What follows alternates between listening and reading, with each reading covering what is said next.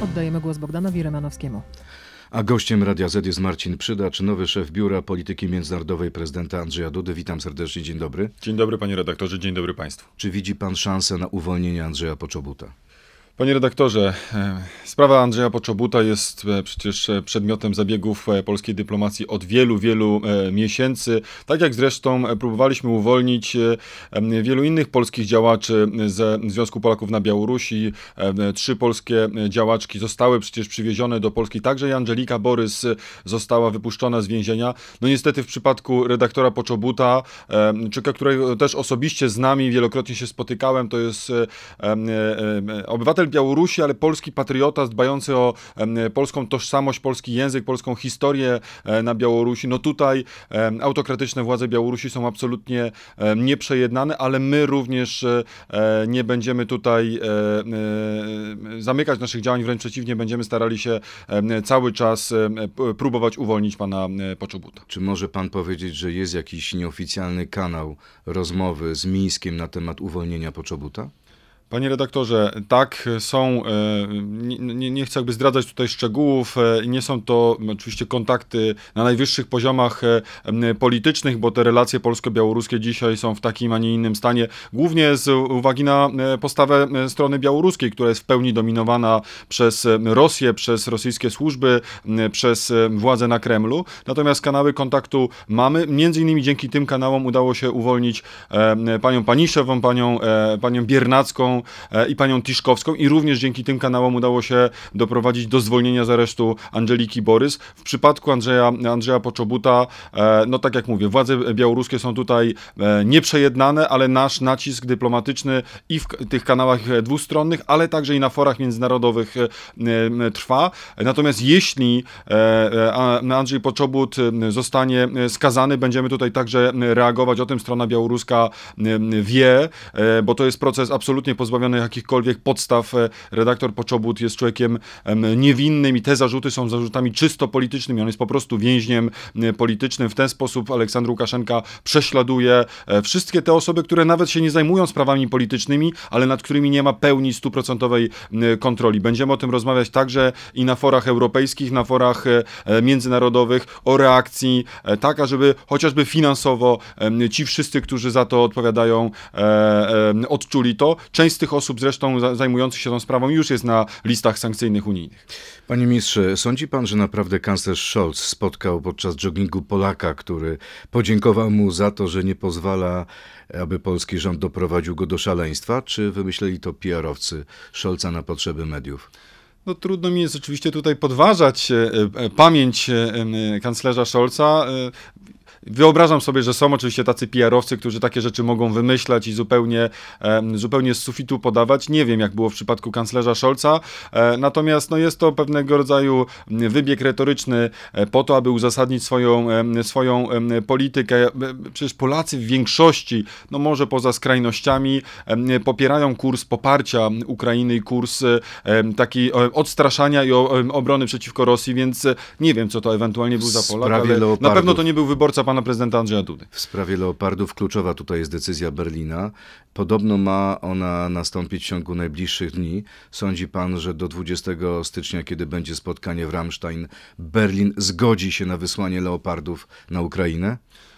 Panie redaktorze, no my tutaj oczywiście rozmawiamy z Niemcami. Sam dzisiaj też mam e, e, ustawione kontakty z Berlinem e, po to, aby między innymi o tej sprawie mówić, ale, ale ta, to spotkanie w Ramstein będzie dotyczyło szeregu innych spraw i tworzenia tej koalicji, o którą my zabiegamy. Przecież pan prezydent Duda, wcześniej pan premier Morawiecki mówili, Polska jest gotowa przekazać kompanię Leopardów.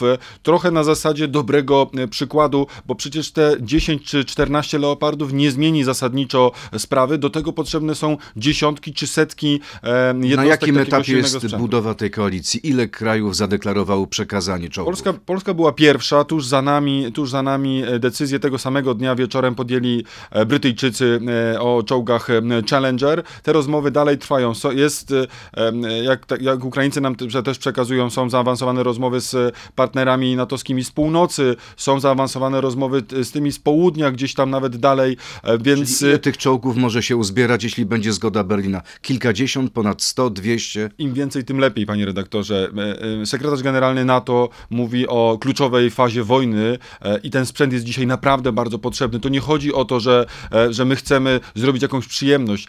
Idzie druga faza, druga ofensywa czy kontrofensywa rosyjska. Spodziewa się pan kolejnego ataku z północy ze strony Rosji? E, Jeśli tak, to ja, na jaką skalę? W tym momencie rzeczywiście na Białorusi e, ćwiczą e, rosyjskie wojska, łącznie z białoruskimi wo- wojskowymi to jest kilkadziesiąt tysięcy nawet wojska.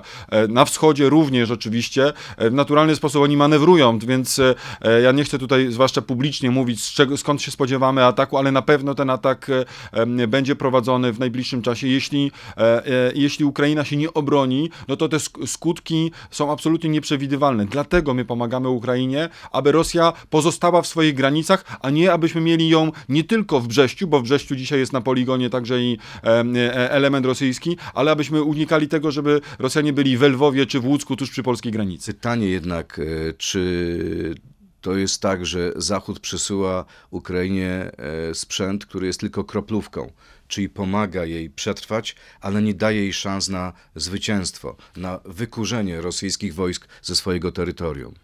E, No nie byłbym może aż tak ostry w ocenach e, polityki Zachodu. To nie jest tylko kroplówka, bo dzięki temu sprzętowi Ukraina po pierwsze obroniła e, swoją niepodległość na tym etapie i nawet przeprowadziła kontrofensywę. W ten sposób odzyskała obwód charkowski, w ten sposób odzyskała Hersoń, ale rzeczywiście ta pomoc jest niewystarczająca. No nie Tym bardziej, że szykuje się podobno mobilizacja 250 tysięcy żołnierzy rosyjskich. No, jedna część mobilizacji Rosjanie już przeprowadzili i ci wojskowi są już w zasadzie gotowi do, i to nimi będzie prowadzona ta kolejna ofensywa i mówi się rzeczywiście o kolejnej, kolejnej mobilizacji. Nie zapominajmy też o grupie Wagnera i o tych kryminalistach, którzy są wyciągani z więzień i rzucani na pierwszą linię m, frontu po to, aby em, em, mordować i, e, i, i zabijać. Więc to naprawdę nie jest tylko taka sobie luźna dyskusja, to jest dyskusja o bezpieczeństwie nie tylko samej Ukrainy, ale całej Europy. Będzie weto prezydenta w, do ustawy o Sądzie Najwyższym?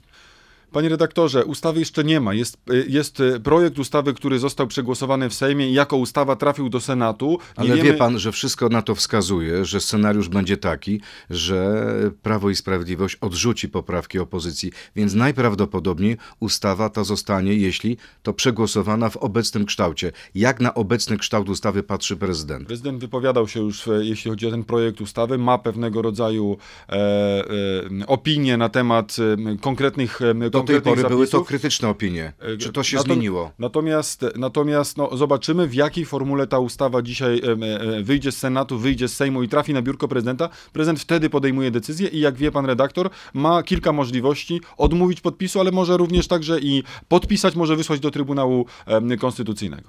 Który z przepisów tej ustawy o Sądzie Najwyższym jest najtrudniejszy do przełknięcia dla prezydenta? No, mówił o tym pan prezydent. em, jeśli chodzi o analizę prawną, będziemy oczywiście także i, i prawnicy e, prezydency będą e, ją w dalszym ciągu analizować w tych konkretnych zapisach. E, Mowa oczywiście o, e, o, o przeniesieniu tych kompetencji dyscyplinarnych z Sądu Najwyższego do, do NSA. Mowa Test o bezstronności. Kwestii, o kwestii bez, testu bezstronności, o, o, możliwości ewentualnej podważania statusu tych sędziów powołanych po 2016 roku. No nie może prowadzić ta ustawa do jakiejś formuły destabilizacji w systemie, e, w systemie wymiaru sprawiedliwości, ale z drugiej strony pan prezydent patrzy też na tę ustawę przez pryzmat interesu państwa polskiego i przez pryzmat tego, jakie ona może też pozytywne skutki przynieść. Więc no jakby zobaczymy, w jakiej formule ona trafi na biurko i Pożyjemy, wtedy pan prezydent będzie decydował. To teraz pora na krótką piłkę, tak albo nie. Może pan odpowiedzieć na e, moje pytania. Pierwsze, prezydent Duda jest lepszym szefem niż minister Rał, tak czy nie? No to jest oczywiście bardzo trudne e, pytanie. Prezydent Duda jest dobrym szefem. Pracowałem dla pana prezydenta Dudy wcześniej przez 4 lata i to jest dobry szef. Również minister Rał nie mogę, nie mogą tutaj narzekać na współpracę. Prezydent nie ma za zaufania do Urzuli von der Leyen, tak czy nie? To jest mocno powiedziane za grosz, natomiast na pewno to zaufanie zostało podważone po, e, po tej e, wiosennej, wiosennym niepowiedzeniu, kiedy zostały podjęte pewne decyzje, a nie zostały wprowadzone przez e, panią Ursulę von der Leyen na skutek nacisku Europarlamentu. To już myślę, że będzie szansa na powiedzenie tak albo nie. Niezależnie od tego, co zrobi prezydent, pieniądze na KPO przyjdą i tak dopiero po wyborach. Tak czy nie? Dużej części tak, chociaż e, chcemy, chcemy, żeby jak pytanie. najszybciej one przyszły. Tak. Do końca roku Putin zostanie obalony, tak czy nie? Mm, Nie, Jarosław Kaczyński bardziej szkodzi Polsce niż Donald Tusk, tak czy nie? nie. Marcin Przydacz jest gościem Radia Z. Przechodzimy teraz do internetu na Radio Z.pl, Facebooka i YouTube'a. To jest gość Radia Z. No właśnie, kto szkodzi bardziej Polsce? Pan uważa, że Jarosław Kaczyński nie szkodzi bardziej niż Donald Tusk. Jakieś uzasadnienie? Panie redaktorze, no to jest takie pytanie zero-jedynkowe. Ja, gdybym uważał, że e, Jarosław Kaczyński e, szkodzi Polsce, nie pracowałbym w rządzie, którego, e, którego Jarosław Kaczyński przez długi czas był e, częścią. Uważam, że bardzo dużo e, dobrego wydarzyło się także przez te ostatnie lata. Ale Natomiast, trochę jest pan w mniejszości, bo nieprzypadkowo pytam y, o Kaczyńskiego i Tuska. Jest sondaż dla WP.pl i wynika z niego, że 49% badanych uważa, że to lider PiSu bardziej szkodzi polskiej polityce. Donalda wska- y, Tuska wskazuje tylko 24%, 19% badanych uważa, że obaj politycy szkodzą porówno.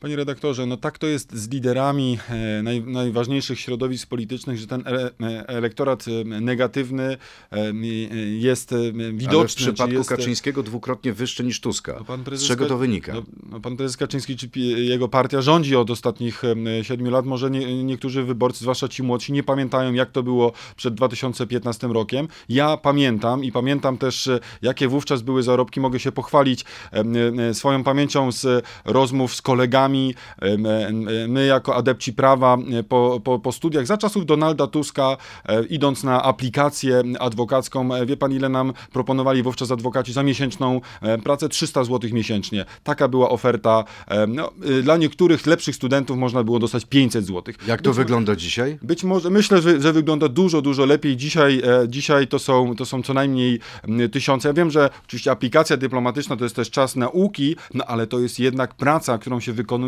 em, i pamiętam, że ci starsi adwokaci wówczas zarabiali no, naprawdę spore pieniądze, a jednak mimo wszystko, mimo wszystko swoim kolegom po fachu proponowali w zasadzie tam e, em, śmieszne pieniądze. I tak wyglądała rzeczywistość za, za czasów Donalda Tuska. Te pieniądze naprawdę były wtedy bar, bardzo, bardzo niskie. Równie niska była, czy w ogóle żadna nie, nie, nie było w, em, wsparcia dla rodzin. Ja dzisiaj jako ojciec rodziny naprawdę też doceniam to, że te, e, e, ta Ojciec polityka prorodzinna jest... dzieci, tak? Niedawno urodziła się panu córeczka. Tak, to prawda. Pierwsza córeczka, trzecie dziecko. Tak, to prawda. I myślę, że... Ile ma córeczka? E, Trzy tygodnie. Trzy tygodnie. Gdybym, e, gdybym był młodym ojcem za czasów Donalda Tuska, pewnie bym się nie zdecydował na taką liczbę dzieci, bo nie miałbym ku temu e, finansowych możliwości.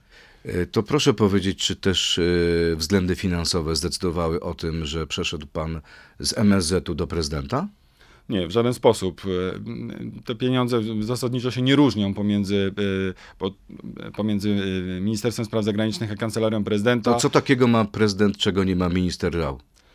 Panie redaktorze, no prezydent jest głową państwa, prezydent e, e, e, no, w jakimś sensie prezydentowi się nie odmawia. Pan prezydent zaproponował mi przejście, czy zapytał, czy byłbym gotów pracować dla niego. I, Dawno temu?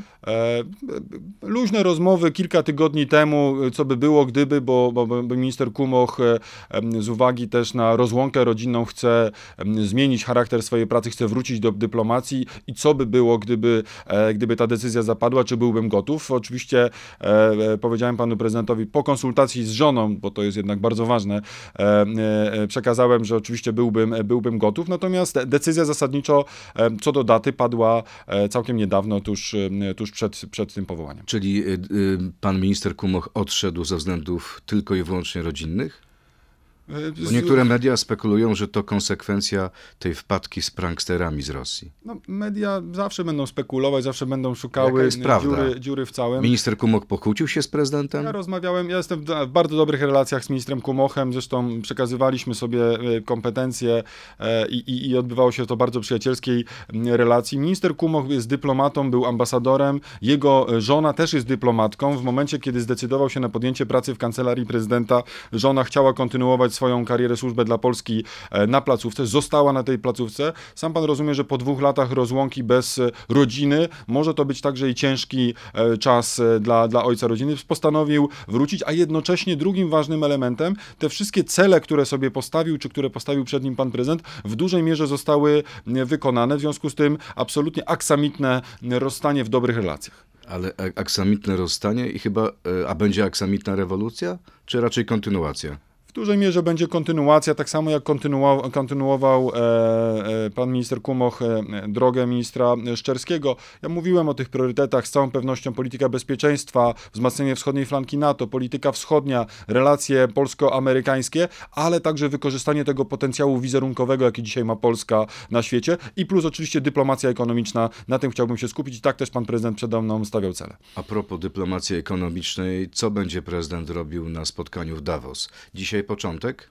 Dzisiaj wieczorem wylot, jutro początek. Zasadniczo będzie pan prezydent brał udział w kilku panelach takich kluczowych, bez, między innymi z sekretarzem generalnym NATO. Jasnym jest, że będzie dominowała tematyka bezpieczeństwa i ekonomicznych skutków dla global, globalnej gospodarki na skutek rosyjskiej agresji. Pan prezydent będzie o tym mówił, w jaki sposób, e, e, ładnie się to mówi w dyplomacji, mitygować e, te e, e, rosyjskie zapędy, jeśli chodzi o agresywną politykę, jak prowadzić politykę sankcyjną, jak wspierać tych, którzy walczą z rosyjską dezinformacją, z, z rosyjską agresją także i na miejscu na Ukrainie. Tych rozmów tam będzie sporo i z liderami politycznymi, ale powiedzmy też sobie szczerze z liderami świata gospodarczego, no bo to, o tym jest Davos. A jakie są relacje prezydenta z Klausem Schwabem?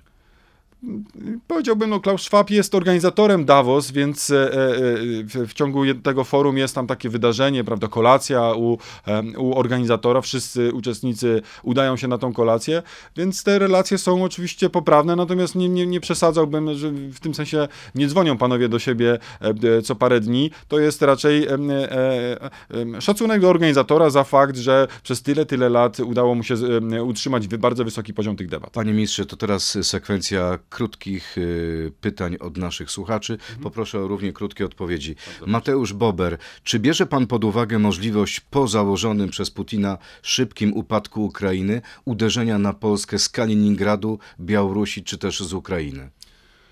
Panie redaktorze, my jesteśmy członkiem Paktu Północnoatlantyckiego, e, jesteśmy w silnym sojuszu, e, rozbudowujemy swoją armię, swoje zdolności obronne po to, aby nikt nigdy nie mógł nas e, zaatakować i tak prowadzimy politykę w ramach polityki odstraszania. My nie chcemy żadnej wojny, chcemy pokoju, chcemy stabilności. Czy jest ryzyko uderzenia wciąż na Polskę ze strony Rosji? Czy ono zmalało, Jeśli- biorąc zaangażowanie, jeśli pod Putin- uwagę zaangażowanie Rosji na Ukrainie? Jeśli Putin wygra, wygrałby, nie daj Boże, wojnę na Ukrainę, na pewno ruszy dalej, są inne państwa zagrożone i nie wykluczałbym, że może się kiedyś pokusić także i o próbę destabilizacji e, państw, które należą do świata euroatlantyckiego e, organizacyjnie. Kolejne pytanie. Czy ma pan może informacje na temat tego, czy kanclerz Scholz usunął portret carycy Katarzyny z gabinetu kanclerskiego po wyprowadzce pani Merkel?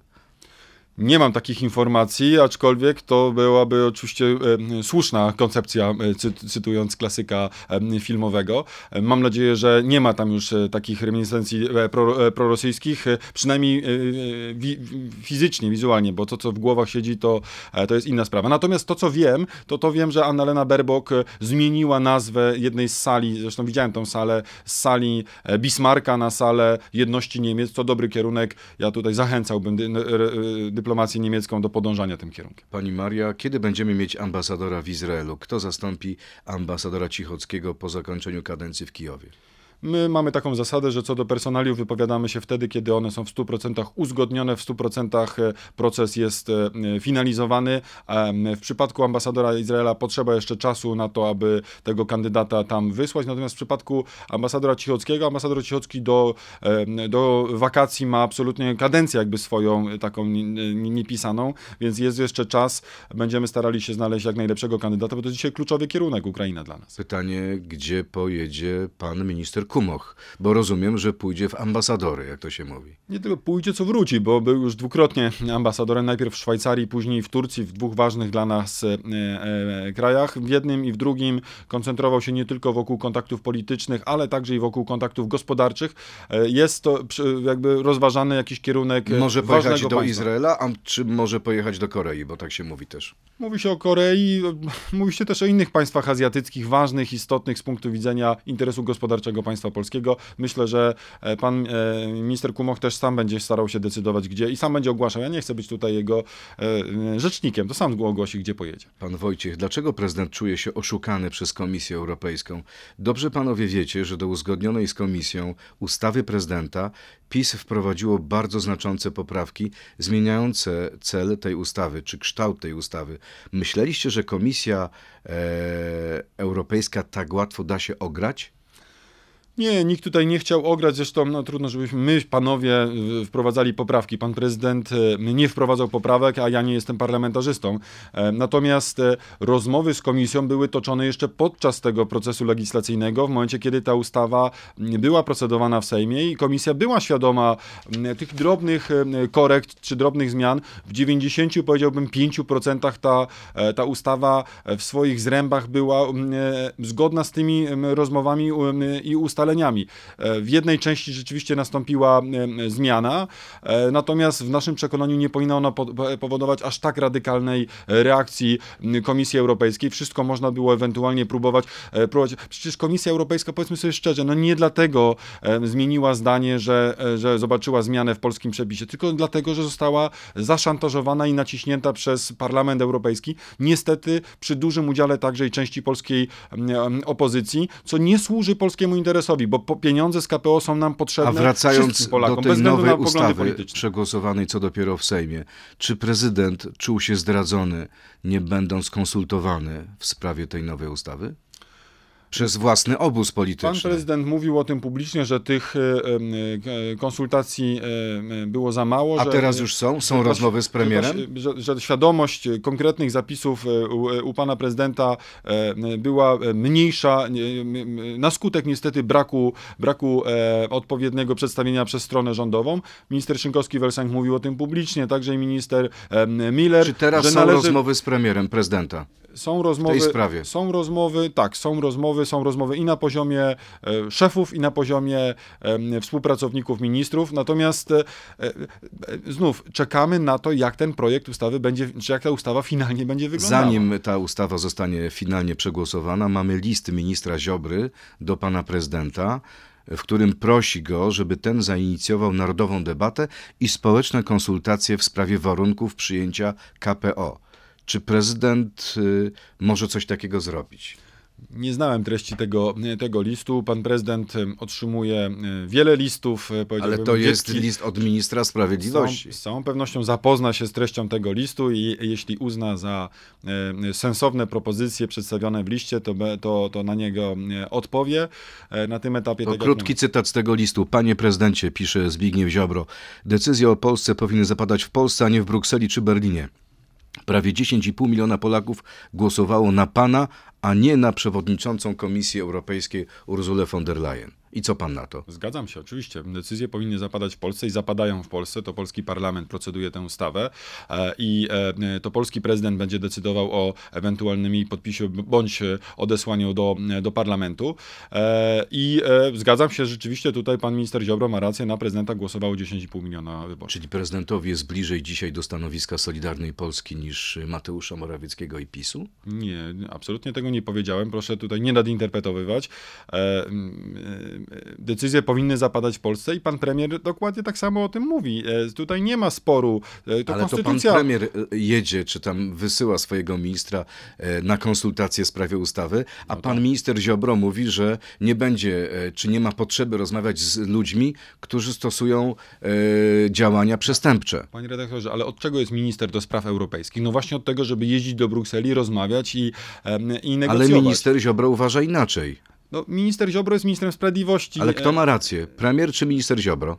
E, Panie redaktorze, e, pa, ja dzisiaj, jak gdyby, gdyby mnie pan zapytał tydzień temu, będąc e, w rządzie, mógłbym bardziej No adekwatnie... nie mógł pan nic innego powiedzieć, że rząd, tak? odpowiedzieć. Czyli, że premier. Dzisiaj z perspektywy pana, pana prezydenta oczywiście przyglądamy się tej dyskusji wewnątrzrządowej. W moim przekonaniu świadczy to tylko o tym, o żywotności jakby debaty publicznej. Jeżeli pan minister Ziobro wzywa do debaty publicznej, no to sam już rzeczywiście w jakim sensie ją prowadzi z premierem. Czyli punkt widzenia zależy od punktu siedzenia. Jak zawsze, W oczywiście. pańskim przypadku również. Zwłaszcza w dyplomacji. E, Piotr Zaręba napisał w Interi, że Przemysław Czarnek opowiada o tym, y, że decyzja o wecie prezydenta w sprawie Lex Czarnek nastąpiła po telefonie sekretarza stanu Ameryki, pan, pana Blinkena. Czy prawdą jest, że Amerykanie naciskali w tej sprawie na pana prezydenta? Nic o tym nie wiem, aby takie naciski miały miejsce. E, W moim przekonaniu to jest e, nieprawda. Weryfikowałem e, to jeszcze w ostatnich dniach. Nie było rozmowy bezpośredniej pomiędzy panem prezydentem a Antonym Blinkenem. Odpowiednikiem pana Blinkena w polskim rządzie jest mój do, były do niedawna szef, pan minister Rał. I tutaj kontakty pomiędzy Blinkenem a ministrem Rałem są bardzo intensywne. Czyli pan Blinken mógł o tym powiedzieć panu ministrowi Rał. Rałowi, tak? Mógł, są rozmowy oczywiście prowadzone w różnej, w różnej tematyce, natomiast i Amerykanie czasami też podnoszą e, sprawy, które są z ich perspektywy e, ważne, natomiast my zawsze odpowiadamy, że e, o ile o sprawach międzynarodowych, o sprawach bezpieczeństwa, o wsparciu dla Ukrainy, o wzmocnieniu wschodniej flanki NATO jesteśmy gotowi do rozmowy, o tyle na wewnętrzne sprawy polityczne, no trudno, żebyśmy tutaj reagowali. I tak zawsze, tak zawsze powtarzamy, to Polacy i polski parlament decyduje o tym, jakie ustawodawstwo będzie prowadzone w Polsce, a nie siły zewnętrzne. Czyli Ja- może pan powiedzieć, że Ameryka nie wtrąca się w te sprawy? Panie redaktorze, y, mogę tyle powiedzieć, że decyzje w sprawie y, y, ustaw podejmują y, zgodnie z polską konstytucją polski Sejm, polski Senat i polski prezydent. I polski prezydent, y, tak mówi minister Czarnek, który parę tygodni temu był w tym studiu, y, miał powiedzieć tydzień przed decyzją panu ministrowi Czarnkowi, że ona jest ok, nie, nie przekazywał żadnych obiekcji i potem było totalne zaskoczenie, że jednak jest weto. Z czego to weto wynikało?